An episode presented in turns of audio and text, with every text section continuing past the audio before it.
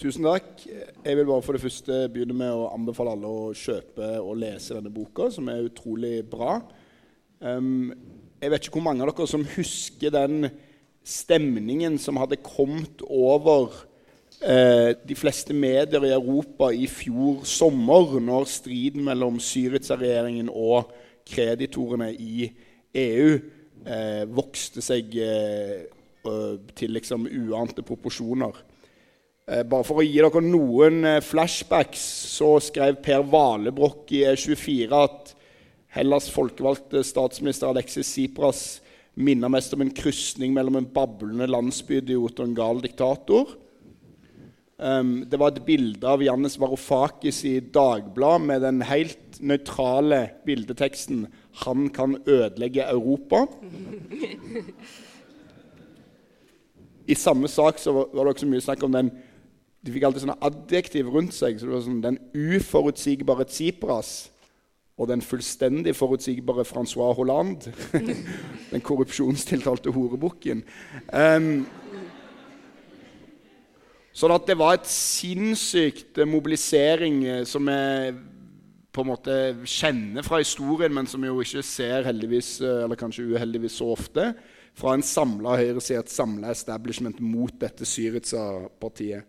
Eh, vi deler dette i to, så vi skal snakke litt om, om fortiden og bakgrunnen for Syriza først med Ellen. Og så kommer George på scenen, og da skal vi prøve å løse krim, krimgåten, nemlig hvem er nå de skyldige. Eh, rett og slett. Men for å begynne eh, med starten, Ellen, altså, hvordan kan det ha seg at et parti som Syriza på så kort tid kan dukke opp fra intet og plutselig styre et land? Ja, det, det, er et godt spørsmål. Um, Syriza er jo et veldig, eller ganske ungt parti. De ble startet i 2004, og da som en valgallianse av 17 eh, ulike partier. Den greske venstresiden er og var en enormt splittet. Veldig sånn der, eh, ja, marxist-leninistiske arbeidere mot kommunistiske marxist-leninister osv. Uh, men de kom sammen uh, i 2004 som en valgallianse, mye pga. antiglobaliseringsbevegelsen som begynte i 99. Som ble veldig stor i, i Hellas med de sosiale forumene og sånn. og fra da av så var de et um, ja, en helt vanlig valgallianse som, som, gjorde det ganske bra. Eh, men eh, fra 2008 så fikk de Alexis Tsipras som partileder og, og, gjorde et veldig lurt arbeid. Eh, samtidig som finanskrisen slo inn et par år senere, i 2010. Og, og selvfølgelig også gjorde det store jobben for dem, nesten. Eh, så eh, For finanskrisen var slo inn eh, i 2010. De fikk et eh, kriselån av eh, det som ble Troikaen, som var IMF, EU og Den europeiske sentralbanken. Eh, og det med masse strenge betingelser som førte til at økonomien kollapset, og folk ble fattige, hjemløse, eh, arbeidsledige i stort monn og hadde veldig store protester. Og da tok Syriza og samarbeidet med de som demonstrerte, på en veldig lur måte. Da. De forsøkte ikke å kontrollere dem. og Det var sånne demonstranter som lignet på Occupy Wall Street og, den, og den, gjengen der, som var veldig mot partier og talspersoner osv. Så, videre. så da gikk Syriza inn i det som et parti, da, eller valgallianse først, uh, og liksom respekterte det og tok ikke med seg partiflaggene sine og jobbet med det. Og så tenkte de ja, ja, de stemmer nok på oss til slutt. Og det gjorde de også, da. Eh, så de jobbet på, med de sosiale bevegelsene på en veldig lur måte. Og så hadde de en annen det, Jeg føler det er som tre, tre grunner at dette vokste særlig. Det er det første. Og det andre at de hadde en annen fortelling om krisen enn establishementet. De fortalte om hvordan bankene, bankene selv ble overtatt av befolkningen, og hvor uh, utrolig feilkonstruert eurosonen er, osv. Og, uh, og det tredje var det tredje? De um, vi finner på en tredje grunn. Vi finner på en tredje grunn etter hvert, ja. Men ja, det var hovedsakelig dette med å jobbe med bevegelsen. Mm. Jo, jo, det, det, tredje kan vi komme til. Ja. um, dette med krisen, altså hvordan den oppsto, og hvem som har skylden foran. Mm. Det har jo i hele Hellas-debatten vært eh, det store stridsspørsmålet. Om det skyldes eh, korrupte greske politikere som bestakk velgerne med velferdsordninger og, og, gode vilkår, eller om det skyldtes eh, griske banker, eller i hvilken grad det på en måte var grekerne som var late. eller sånn. Altså, Hva er din krisefortelling og for så vidt òg Syriza sin? Jeg antar at de sammenfaller litt. Ja, de sammenfaller litt. altså, jeg tenker det, det er definitivt mye, veldig mye feil i Hellas og veldig mye griske og korrupte greske politikere. Eh, og så er det mye systemet da, som eh, og, og, europeiske banker og, og ja, liberalisering av bankvesenet og finans, finansiering av økonomien osv. Så, så det er både i Hellas og utlandet. Eh, det jeg mener at ikke har så mye skyld, er liksom den greske befolkningen, da, som jo er den som lider for dette. Eh, det jeg mener er årsaken til finanskrisen, er bl.a. at uh, man innførelsen av euroen, som er et, uh, en valuta for 19 ulike land, som er satt opp sånn at de landene konkurrerer mot hverandre. Og da vil det, de landene som har en fortrinn i utgangspunktet, de vil bare styrke seg og styrke seg, mens de andre vil uh, forsøke å gjøre sitt beste, men ikke tjene noe på det, derimot bli svekket av det. Særlig Tyskland. De har et enormt eksportoverskudd på pumper varer, billige varer og Eh, ja, ting de produserer til eh, utlandet. Som, så Tyskland har et eksportoverskudd som er helt uh, sammenfallende med importoverskuddet i Sør-Europa. Um, så det er én ting. Og det andre er jo alle bankene som lånte Hellas penger. Det var uh, veldig mye før finanskrisen så var det veldig stor optimisme. Man bare lånte og lånte penger, fant de opp og, og kastet de ut til veldig lav rente og veldig dårlige prosjekter. Og hadde en liten tanke for hva det skulle føre til. Eh, veldig mye var som ren korrupsjon. Da man bygget f.eks. OL-anlegget i Aten i 2004. Masse, man bygget jo da også masse infrastruktur rundt Aten, som metroen f.eks. Hvis noen har vært i Aten. Det er veldig fin metro, men den er jo bygget av eh, lån som har tatt opp under utrolig korrupte forhold. Og i tillegg også militærvesenet. Hellas er jo en kjempemilitære og en fantastisk uh, stor marine. Men de trenger jo ikke egentlig det. Det er bare kontrakter som er tatt opp uh, mellom ja, politikere som blir bestukket osv. Så, videre. så blant annet bare tyske banker hadde en, en gjeld på sånn 816 milliarder eller noe sånt da, da krisen brøt ut. Helt sånne enorme summer. Så det, et stort problem er jo at kreditorene ikke har liksom blitt stilt til ansvar. Det er bare de som har lånt penger, og ikke de som har lånt ut på en enormt uvøren måte.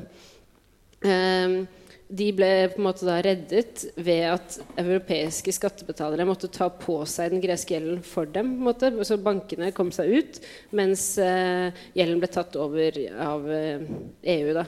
Som igjen førte til at det, så at det har blitt er så store konflikter internt i eurosonen. Tyske skattebetalere sier de ikke vil betale for greske, og det er jo forståelig. Men egentlig burde jo bankene ha tatt det tapet som de var dumme nok til å måtte utgangspunktet låne bort til. Og det har selv IMF innrømmet i etterkant. De har sagt at vi vil ha altfor mye ansvar på Hellas og altfor lite ansvar på bankene. Um, Så det er vel uh, mitt Og så er det jo i tillegg korrupsjon i Hellas. Hellas er jo fullstendig vanstyrt og bare, bare tull siden demokratiet ble innført i, to, i 1974. Uh, så har det vært et topartisystem med nytt demokrati og PASOK. De har byttet på makten, og de har vært korrupte begge to. og uh, Eh, ja, eh, måte tatt opp enorme lån i befolkningens navn uten helt å være ærlig om det.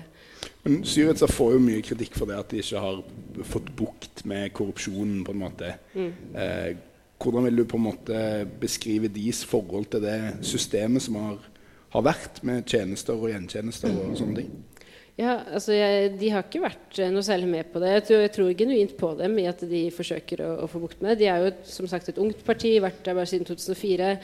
Så når det er en liten valgallianse som består av masse sosialister og kommunister, så har det begrenset hva du kan love bort av tjenester og makt også.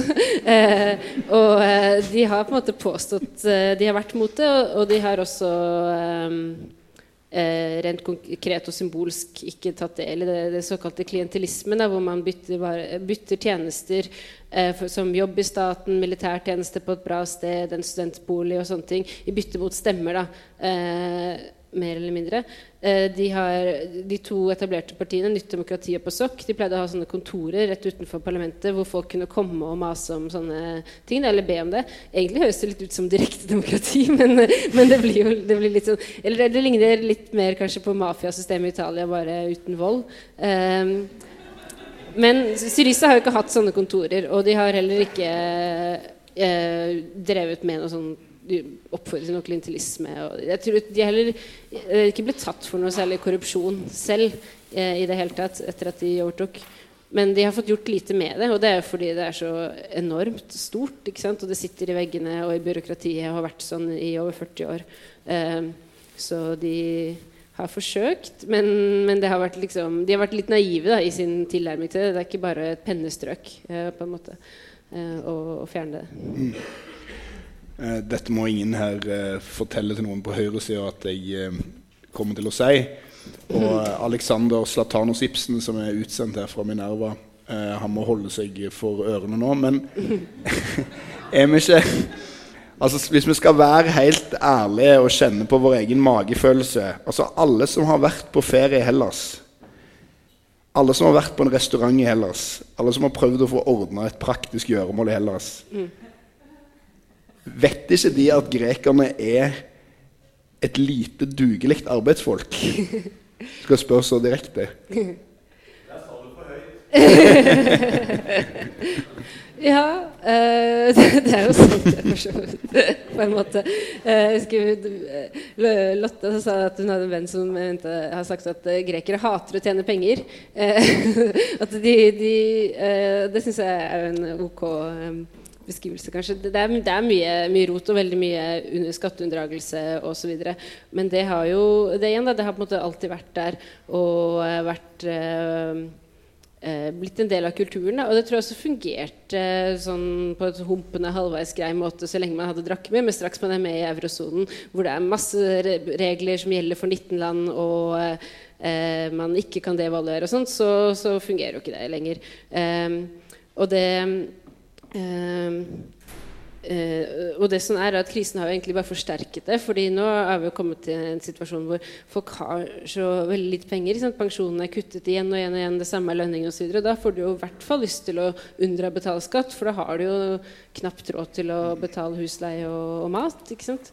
Eh, så det tror jeg bare er blitt et større problem og, og blir det fortsatt da, før man finner en, en lur løsning. Men Syriza, jeg tror nok også de helt ærlig ville gjøre noe med dette. De snakket jo om å få, få De snakket veldig mye om liksom, å modernisere staten. Da, slutte med alt tullet. på en måte, Og Varoufakis drev hele tiden og prøvde å argumentere overfor det og for EU at er, nå har vi så enorm folkelig støtte i ryggen. Eh, meningsmålingene gir oss 50 Det er helt vilt. Vi har mulighet til å som han kalte det, bære folket eh, og liksom komme med de reformene som trengs, hvis EU på en måte gir oss rom til det. Men det kan ikke gjøres i en sånn voldsom uh, kuttøkonomi. Da. Det samme sa jo bl.a. Obama. Han ble intervjuet om austerity i Hellas. og Da jo, begynte han å le. Det er et morsomt klipp uh, på CNN hvor han sier sånn du, du, kan ikke reformere masse i en økonomi som har kollapset, da, og hvor liksom, 25% av økonomien har forsvunnet veldig fort. Uh, så, men derimot, hvis det er noe vekst og noe håp. Eh, og så i tillegg så kommer liksom myndighetene med noen tiltak. Så dette så tror jeg de hadde hatt anledning. Og det er jo også ikke bare liksom at folk er, er vanskelige, altså sånn restauranteiere og sånn, eh, med papirkvitteringer og Det er sånn, fra statens side og utrolig vanskelig og, og, og, byråkratisk. Det er enormt mye mer byråkratisk i Norge. Du, ingenting på nett. Masse kontorer og papirer du må hente overalt osv. De, de hadde jo et de, departement, Syrisa, men faktisk også før Syrisa, som het eh, eh, Blant annet hadde i tittelen sin at de skulle jobbe for E-stat. Og med E som et elektronisk stat. Altså det, det, det vi har Altinn eh, det, det, er liksom et av løftene til Syriza. Det er radikale drømmer. Få alt inn på plass. Um, vi må snakke litt om det som skjer når Syriza vinner valget. fordi at um, jeg husker da jeg var liten, så spurte min uh, far uh, i et uh, naivt øyeblikk om hvorfor det ble krig i verden. Og da svarte han at eh, på et ganske bittert vis at det veldig ofte begynner med at venstresida vinner et valg. Og, eh, og her vant jo venstresida et valg. Og, og, for det første så må vi bare begynne altså Syriza vant valget, men de fikk ikke helt flertall. De valgte et eh, parti som vi måtte samarbeide med, som heter Anel. Mm. Som det òg var veldig mye snakk om i Norge. Kanskje du forklarer hva slags parti det er, og hvorfor de gikk i koalisjon med, med de? Ja, det kan jeg gjøre. Men først, altså, apropos det med at det begynner med at Venstre vinner valg. For Hellas sin del er jo det ekstra eh, til stede. Da, for de venstresiden har jo følt at de nesten har vunnet igjen og igjen. ikke sant? Rett etter krigen var kommunistene kjempepopulære. Ble knust under den greske borgerkrigen. Og så rett før diktaturet kom i 67, så var de så populære. Det var en bølge av venstrevind som førte til at et kupp fra generalene med, med argumentasjonen eh, vi står overfor en stor kommunistfare. Derfor må vi gjøre et kupp. Så venstresiden har jo hele tiden nesten vunnet og da blir, og blir slått ned på. Eh, så dette var jo tredje gang i ganske ny historie. Men eh, jo, Anel er da eh, et parti på, på høyre, høyre, høyrepopulister og ganske innvandringskritiske. Og veldig imot troikaen. De er liksom sånn, sånn, litt nasjonale. ikke sant? Så veldig mot troikaen, at andre skal få styre landet osv. De eh, ble startet i 2012 og brøt ut fra Nytt demokrati, faktisk, som er det, det tradisjonelle høyrepartiet. Fordi eh, man kan egentlig si at disse troikapakkene, det, det som ble signert i sommer av Sipras, var den tredje. Den første kom i 2010, og den på en måte knuste PASOK, til sosialdemokratiet demokratiske partiet fordi de signerte den. Så kom pakke nummer to i 2012, og den mer eller mindre, eller ikke knuste, men den, eh, den ødela veldig for nytt demokrati, for det var de som administrerte staten og, måtte signere den. Men selv de var mot den avtalen egentlig. Alle partiene har, har vært mot troikaavtalene, men til slutt måtte gå med på dem. Og da Nytt demokrati til slutt gikk med på den avtalen i 2012, så brøt en gjeng ut og laget ANL. Um, og Sipras valgte å samarbeide med de fordi de fikk jo da ved valget eh, en enorm eh, oppslutning og 36,3 tror jeg, eller 6 eh, prosentstemme. I hvert fall 149 representanter, og de trengte 151, så det mangler to for å kunne regjere alene. Og da måtte de regjere med noen, og det var det egentlig nesten på en måte bare Anel de kunne samarbeide med, da, for de andre var da eh, de to etablerte partiene, PASOK og Nytt demokrati, og Syris hadde lovet vi ville ikke samarbeide med dem. Og så var det da KKE, kommunistene, som nektet å samarbeide med Syriza. Og så var det Gyllent daggry, nazistene. De er det gode grunner til ingen vil samarbeide med. Eh, og da var det igjen to partier. Det var uh, uh, Topotami, som er et slags sentrumsparti, men kan kanskje si det ligner på Venstre, eh, og Anel. Og disse, i, alle trodde de ville velge det sentrumspartiet, men de er også veldig sånn veldig motstandere av Syriza. De er sånn, åpenbart sånn elite, EU-vennlige. Eh, og jeg tror Sipras konkluderte at det vil bli veldig vanskelig og kranglete å samarbeide med dem, mens Anel har mye lettere fordi de rett og slett var jo mot troikaen og mot en ny låneavtale. Det var Syriza også. Det var deres ene store, viktige sak. Ergo kunne de gå i kollisjon om den. da. Mm. Eh, og det var det mange som var rasende for. Og det er jo et stort problem fordi de er så rasistiske og rare og, og vanskelige og på høyresiden. Og høyre og venstre kan ikke samarbeide. Men det så ut til å gå veldig fint. Eh, eller de, ja. Og grunnen til det tror jeg, er at Anel var så veldig veldig mye mindre. ikke sant? Vi så jo i den rød-grønne regjeringen at SV fikk ganske liten innflytelse i forhold til Arbeiderpartiet. Mens her var det jo mye mye større. Sånn, Syriza hadde 149 representanter og Anel sånn 10 eller noe sånt. ikke sant? Så eh, de fikk én minister, forsvarsministeren, og så styrte han med Forsvaret, og det var liksom eh, det. Var det. Og så i tillegg tror jeg han Kamenos, som han heter, partilederen for uh, Anel, liksom likte linja til Sipras. Egentlig likte at han sto imot, så han var litt sånn Yeah, jeg er med på det prosjektet her. Og uh, er i regjering med han der. Og, uh, og så begge også steg på meningsmålingene utover våren. Så ja. Mm. Vi skal snakke litt om, om populisme og venstre- og høyrepopulisme etterpå. Men um, du jo, begynte jo så vidt på det i stad. Altså, sist venstresida forsøkte å på en måte vinne valg i Hellas, det radikale venstre, så var det jo diktatur som på en måte var, var svaret fra elitene den gang. Og, men nå var det jo litt andre maktmidler som var i sving. Altså, kanskje si litt om de vanskelighetene som Syriza møtte når de da hadde vunnet et valg og var klar for å implementere politikken sin og stå opp mot troikaen? Ja.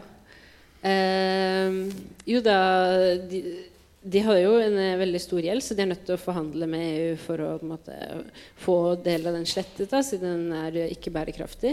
Um, så det gjorde de ganske tidlig. De, de, de dro til um, De dro rundt på sånn uh, turné i Europa, Sipras og Varoufakis, som da ble finansminister, for å snakke med de eh, snakket med europeiske ledere for å liksom vinne de over til sin, sitt syn. Og så jobbet, ville de gjerne ha en eh, gjeldskonferanse for hele Europa som skulle ligne den som var i London i 1953 etter krigen, som slettet mye av tysk gjeld eh, og gjorde det lettere for Tyskland å komme på fot igjen. Um, og um, de, i tillegg så, og så håpet de altså, på et verdig kompromiss, som de kalte det. En, en plan for liksom, vekst og, og uh, uten at altså, ny, nytt land var mulig. Uh, og da uh, møtte de enorm motstand veldig, veldig raskt i da, eurogruppen, som er alle finansministrene i eurosonen som møtes sammen og diskuterer. De, og i tillegg Den europeiske sentralbanken gjorde sånne små sånne ja, justeringer i måten greske banker lånte på, egentlig ganske teknisk, men som førte til uh, et sånt uh, bankrun, at folk begynte å ta ut pengene sine for å være redd for at bankene ville falle. Og det jo, kan jo veldig lett skape en prekær situasjon og krise. Mm. Så de, de, forsøkte å, å få ja, å få støtte for sitt syn. Og litt under en måned etter at de valgte, den 20. februar, så gikk de inn med en avtale med troikaen om, om, en forlengelse av den gamle avtalen på fire måneder, så de skulle få mer tid til å snakke sammen. Men fra da av så hadde på en måte eh, ga ikke den andre siden noe mer og nektet å, å gå med på dette kompromisset Syriza ønsket seg, da, men la opp til en, en ny låneavtale som de kjempet mot. Um, jo, og så på sommeren da, så holder de denne folkeavstemningen og forsøker mm. intenst å si nei til den avtalen. Mm. Og det gikk vel sånn passe. Hvordan, eh, hva var det egentlig som skjedde?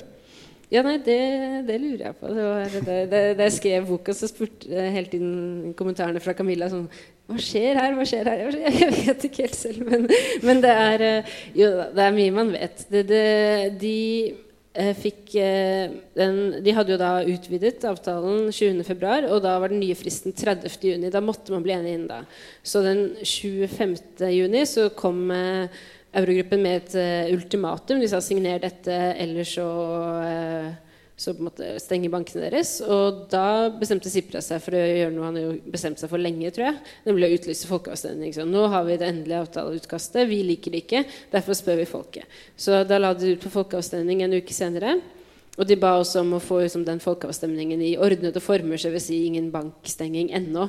Men eh, ba om et par, par uker til med, med forlengelse, sånn at de kunne eh, ha en, en, demokratisk ordentlig folkeavstemning. Det fikk de ikke, så bankene stengte eh, en uke før folkeavstemningen og skapte helt sånn kaos. Og folk, det ble innført kapitalkontroll, som betydde at man bare kunne ta ut 60 euro om dagen. Eh, og og det ble mobilisert kraftig både for nei og ja, og det var heftig debatt og store demonstrasjoner. Og så den 5. juli så var det folkeavstemning, og det greske folk stemte nei med ganske stort margin. De 61,5 sa nei. Um, men det som jeg tror skjedde i uka før folkeavstemningen, var at Sipras innså at det ikke Som regel så styrker en folkeavstemning eh, kravet til noen myndigheter. Det skjedde vel på Island, gjorde det ikke det? Mm. Folket stemte nei til iSave og da fikk de det, på en måte. Um, det vet du mer om enn meg. Mm. Men uh, uh, i, jeg tror at uka før Folkeavstemningen så skjønte Sipras det her uh, bare, EU er bare dritforbanna på at vi har folkeavstemning. De er kjempesinte. De har ikke lyst til å høre noe fra dette. Og, de, og EU begynte å bli liksom klare for at Hellas gikk ut av eurosonen. For i begynnelsen av forhandlingene så var nok begge sider veldig redd for det. Men etter hvert så var EU bare sånn Fuck this, vi gidder ikke mer. Eh, Maset til grekerne. Nå er vi åpne for at de går ut. Og da har du da den ene siden er åpen for både at Hellas blir, og at Hellas går. Eh, det er litt det samme for dem. Og den andre siden er derimot Hellas er veldig redde for å gå ut. Og da står jo de åpenbart i en svakere situasjon. Så det Sipra skjønte, da, var at eh, det nei-et kunne han ikke bruke til noen som helst. Eh, det, det, hadde bare gjort EU enda sintere. Eh, og hvis han ville ha en avtale, så måtte han eh, ja, komme med en voldsom kompromiss. Da. Så han sendte inn da, eh, et veldig et kompromissforslag som strakk seg veldig langt rett etter folkeavstemning. Så det ble på en måte gjort om til et ja, eller nei-et. Eh, og grunnen til at de var så veldig redde for å gå ut av eurosonen, var at uh, de, de, trodde det ville bety at uh, Med god grunn, det ville mest sannsynlig bety at alle greske banker ville kollapse én etter én på veldig kort tid. Og det ville igjen føre til helt sinnssyke tilstander. ikke sant? Så enden på visa er at de, de ga seg, da. er vel egentlig Mm, de ga seg. Mm. Um, og der tror jeg vi skal få opp George. Uh, come up to the stage uh, Yeah. to discuss uh, how we should um, evaluate Syriza's performances and uh, the road uh, on from now, both for the Greek and the European left. Uh, you left uh, Syriza after 10 years as a member. Uh, why did you do that? You can start by, by telling us. I was not uh, in reality member of Syriza. I was member of, of the Yad of Syriza. Uh, since my graduation years, uh, since 2004, and until the uh, August, since the new memorandum agreement. Uh, I left with the majority of the members of the Yad, so there were, let's say, 3,500 members, and the 90% left the Yad. So, yeah. Um, why I left the party? Mainly because it was against what the party declared. I mean, uh, the, in the beginning of January, and uh, because all, almost everybody knew that the new memorandum would would continue what the previous did. I mean, uh, depression and uh, no real solution uh, for the working people in Greece. And it was, it, it's an irrational choice if you want to have uh, economic development at this moment. So, yeah, pra- practically for this. So, what do you believe would be the alternative way to go for Yeah. Syriza instead of uh, accepting? Uh, there are several uh, options. Uh, there was not. Now, at this moment, the party try to present the agreement as the only solution that they have. It is not so true. Uh, first of all, before the agreement, they could do the referendum earlier in order to be possible to negotiate without uh, having still money. I mean, not the last moment that uh, the, the ECB was closed. So one choice was this. Uh, but if there was, if we suppose that there was no other solution, uh, they could uh, they could sign the agreement and after the referendum and inform the people that uh, Tsipras to resign from the leadership of the party, to be a new Congress inside the party that probably 95% uh, the majority would lose. I mean, the, that supported Tsipras, and the minority would become majority. And then uh, to participate in the new election of, of September with a different program that uh, uh, would explain to the people what would be the implications in the case of that we con- would confront with the European Union. So this is my. I think so. There was a choice, and uh, also with this way there would be a good chance uh, to democratize the structure of the party that the last uh, nine months were totally unexisted because uh, there was the leadership of the party that took control of the whole process of negotiations uh, without really asking the base of the party what should do. So, yeah, so this is my explanation why they could do better. Uh, Ellen, there is uh, one of the big discussions in the Syriza uh, about this is about uh, what you should and, and what's easiest maybe for people in Norway to, to sit and say. I remember, I don't know if, if any of you know Magnus Marsdal. Uh, he is uh, what we in Norway would call en hard. And um, and he of course uh, was was uh, uh, very clear that he thought that Syriza should have have just left the euro or should have have made a campaign for leaving the euro and uh, sort of ending in a Norwegian situation of, of some sort. Um, why wasn't that possible? Uh, do you think for them? I don't know. Um, the, this uh, I think that uh, some people in Syriza wanted that. You know, the the left uh, platform uh, wanted a, a, Greek exit, which is called a, a Grexit. I just start to use that word. that they. Um, uh, they should yeah that they should leave the euro because it's impossible to change it's because what Syriza is trying to do is change rules that are uh, impossible to change. That's kind of the, that uh, argument. Um, so um, yeah, that's that's one uh, strategy, and the other is that of the leadership. Uh, that was the, the, honest compromise and uh, that they were um, working for, and then I guess uh, what you talked about is a bit this third uh, way, a bit more confrontation. Someone was wanting, also Varoufakis wanted yeah. to, to uh, uh, stop paying some of the debt to yeah. show that uh, they meant business, right? And, and, yeah. and uh, this kind of thing.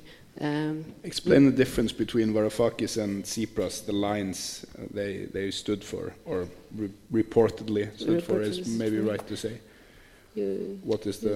Uh, uh, what I know, because it is a bit difficult to know, to be there and in the very close group of decision making. So from, from what I have learned, what has happened is that um, Tsipras uh, was with Varoufakis, I mean, with his plan of confrontation, uh, and until the day he understood what this practically would imply.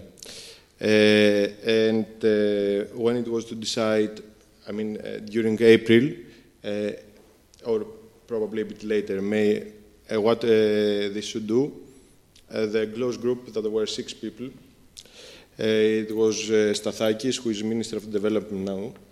it is Dragasakis, who is responsible for the economic policy, the general economic policy of the party. Uh, Tsipras, uh, Tsakalotos, who is now the new Minister of Finance, and one of the advisors of, of Tsipras, but who is now responsible about the Ministry of, about Media, uh, Papas. And uh, the four of them uh, vote against the plan of Varoufakis mm -hmm. to confront with, uh, with the European Union. So this way, how ended, uh, how we, uh, why the party signed. So, and what I would add this is that uh, I don't think nobody, with the exception of Varoufakis, Varoufakis was really willing to for a Grexit because also it is not part uh, responsibility of minor, majority of the party, but of minority of the left unity that they had three years uh, to prepare any plan for a Grexit or to present to the public or whatever. But in reality, they didn't do anything. So they, they didn't have any serious alternative plan. So the responsibility is, to both sides, not just to the majority side. I mean, mm. so yeah. But even though uh, you and, and, many others left Syriza and formed this new left party, there was a new election which uh, they won again. Why, why are people sticking to, to Syriza in Greece?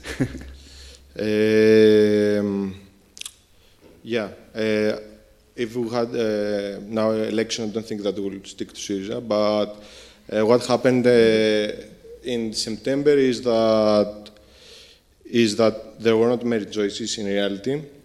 The left unity, as it proved, didn't really suggest something quite radically what the left unity, the party, I mean, the, of the minority who who created this new one, uh, said that we would do what Syriza did in the January, but this was a failed plan, as it proved. So they didn't suggest something serious. And uh, additionally, what Tsipras did is uh, use the momentum of the uh, because he presented himself as someone who fought uh, seriously against the status quo, or the European Union, etc., etc.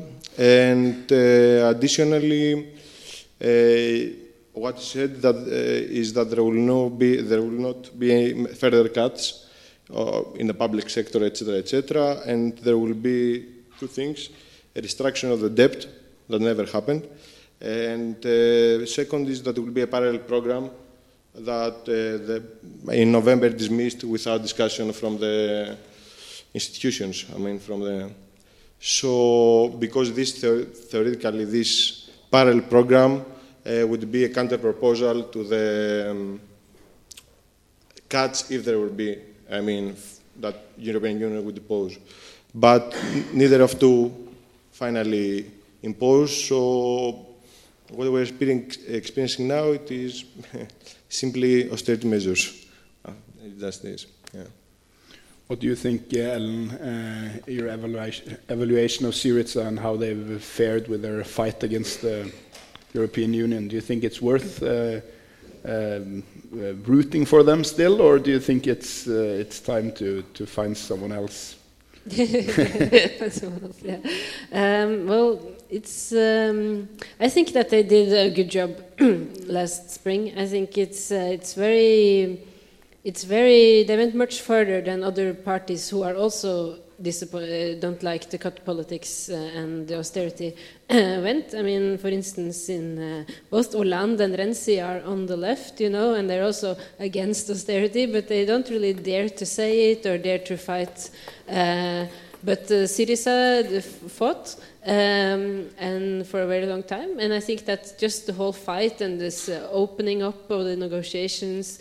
Uh, I mean, no one ever said what happened in the Eurogroup meetings before at all. And then suddenly Varoufakis comes and tells everything and uh, blah blah blah. You know, he just uh, gave a million interviews uh, saying everything, and, and, this is very new. He's um, so he's almost like um, this. Varsler, what do you say? Whistleblower. Whistleblower, yeah. Um, and he said about the Eurogroup that uh, it's like a sausage. You don't know. You don't want to know what's in it. and, uh, so, so this I think uh, was pretty cool. But uh, then, uh, of course, uh, they they failed in the end. And, and I think that after they failed, it's it's after the 13th of July when they signed.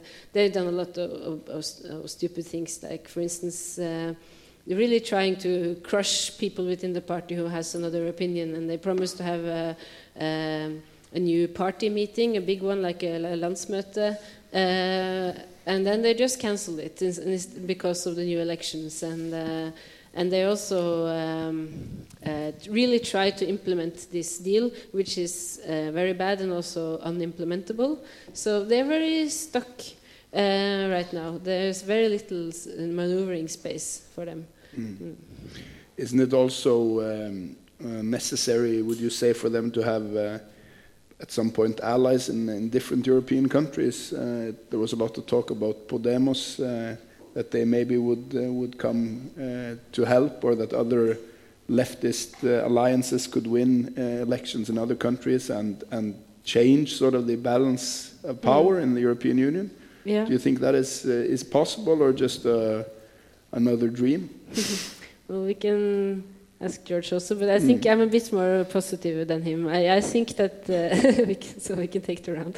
But I think uh, yes, to a certain uh, degree. I think that. Um, uh, the, the, there's an uproar all over Europe now against this politics of the elites and the, the austerity, uh, and that uh, that also comes from the right. You know, Marie Le Pen is also against it and very powerful and strong. So we'll see. Uh, but uh, I think that um, with in the periphery, the, the countries who have been visited by the troika, there is the, the left is is getting stronger and and could be an ally uh, to kind of demand something else. Podemos and Syriza was very close in the beginning. Uh, Pablo Iglesias went to the to to Greece to do election campaign for Tsipras and so on, and uh, and they always said in Spain that they would have it easier to push the European Union because they are a bigger economy and a bigger, so they just have more power just by being Spain. Um, but there, we'll see um, if they if they come to power and uh, if it will happen. Now some Greek pessimism. Yeah. uh, I think what we are observing uh, during the crisis, one of the things is that the deconstruction of the, to some extent, uh, of mainstream politics. I mean, uh, the dissolution of the parties. to several countries of the Labour parties or the Conservative parties that of the mainstream. So the voters, they have the majority turned to the right, and in some cases, as in the case of the Greece, turned to the left. So I, I cannot say that I can predict the future, but I think that the situation to some extent is uh, fragile.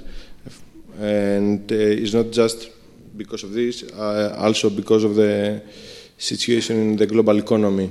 Because uh, one month before, the, the stock market of Germany was so probably they will follow another global crisis that I don't think that in this case will be so much controllable as the, the previous one. So uh, uh, I think that it, there could be an alliance or uh, between the various parties, but there should be a firm program that to be viable or to elaborate it, etc., etc. What we have not seen until now is that there's not something in the supranational level, I mean, in the beyond the states, they don't really have any kind of elaborated, serious plan about the future of the. And I speak about the, the part of the European left all these parties are gathered. How how we want the, future, the, the future Europe and what economic policy we can apply, etc., etc. I mean, um, it needs a plan, or and to mobilize the people as well. If you want, I, because without the majority, without the support of the people, you cannot do a lot of stuff. So, yeah, this is what I think. We have to talk about one last issue, which is maybe a, a, bit on the side, but it's it's very. Uh, uh, on people's minds right now. Greece is also the center of a, a different European crisis, the, the migration crisis. Uh, I read in, uh, in Aftenposten today that there are 2,000 migrants coming to Greece every day. Uh, and uh, the economy, of course, is not uh, the most solid in the eurozone. so, so this is a big problem. Um, and there has been discussion of throwing Greece out of the Schengen and, and different things. how is the debate about these things in Greece? How's the debate? it is one of the main debates now, it's not the only one, because also the bill about the social security that they want to pass in this difficult to pass, uh, there's about the channels that they want really to reconstruct uh, the whole, uh, the, the, private television in Greece, etc.. So one of these issues is also the refugee crisis. Uh, Syriza, I mean, the what has been done until now is not by the state, mainly. It is by various organizations, international, and uh, many, many volunteers that have came from every part of the planet in order to help the whole, the, the, the refugees and going to the places that the crisis, they, are coming, they are arriving, to the islands that are close to the, the Greek borders with Turkey, Mytilene, for example, and to the to the borders with um, Bulgaria that are in the, on the north, in the north side of the country. Uh, uh, the, the right, the Conservative Party of New Democracy, try to capitalize on this kind of attempts to capitalize on this kind of crisis and to represent it that in reality what's happening now or it was um, a responsibility of Syriza and uh, mainly of the previous uh, minister who was responsible for the issue. Uh, and in that way to, yeah, to take voters, take more voters. But uh, of course, it is clear, and I don't think that the majority of the people have been persuaded by this kind of argumentation, is that is a, a European problem, it's not a Greek problem or a management issue. Uh, and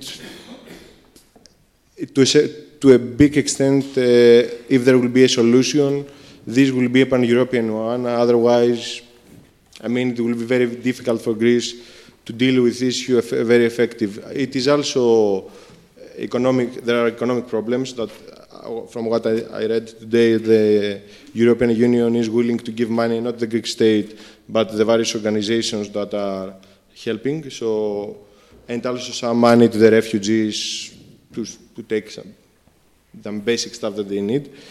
Uh, yeah, and the, the Greek state is moving very slow in this process. I mean, um, and tries, I mean, now what the implement, try to implement what the European Union said uh, to create hotspots that are camps, open camps for the refugees, first to register and then they could move or to leave uh, or to stay if it is necessary. Yeah, but uh, I think the, the, the new minister and the Greek society has really compromised with the idea that a big part of these refugees uh, uh, will stay in Greece and for a certain period of time because uh, the, the borders are closed. So yeah, this is. Ellen, anything you would like to add? No, I don't know. I mean, I was in this radio debate this morning, and uh, and then uh, people were talking about that the the plan almost or it's no plan, but the Europe doesn't want to open the borders and take uh, a quota of the refugees. So probably will, what will happen is that uh, the refugees stay in Greece, then there will be a humanitarian crisis in Greece, and then that will scare other refugees for coming. so Greece is just going to be a bad example in a much much harsher way than in that case. You know, that is, uh, I don't know. The people will see on TV in the Middle East that that the, their fellow countrymen just die in camps in Greece and then they will stop coming. And it's really really sad uh, picture, but. Uh, um, if they get uh, too little help and uh, the borders are closed, I think that will be a, a, catastrophe. And I think that will happen because the help is just too little.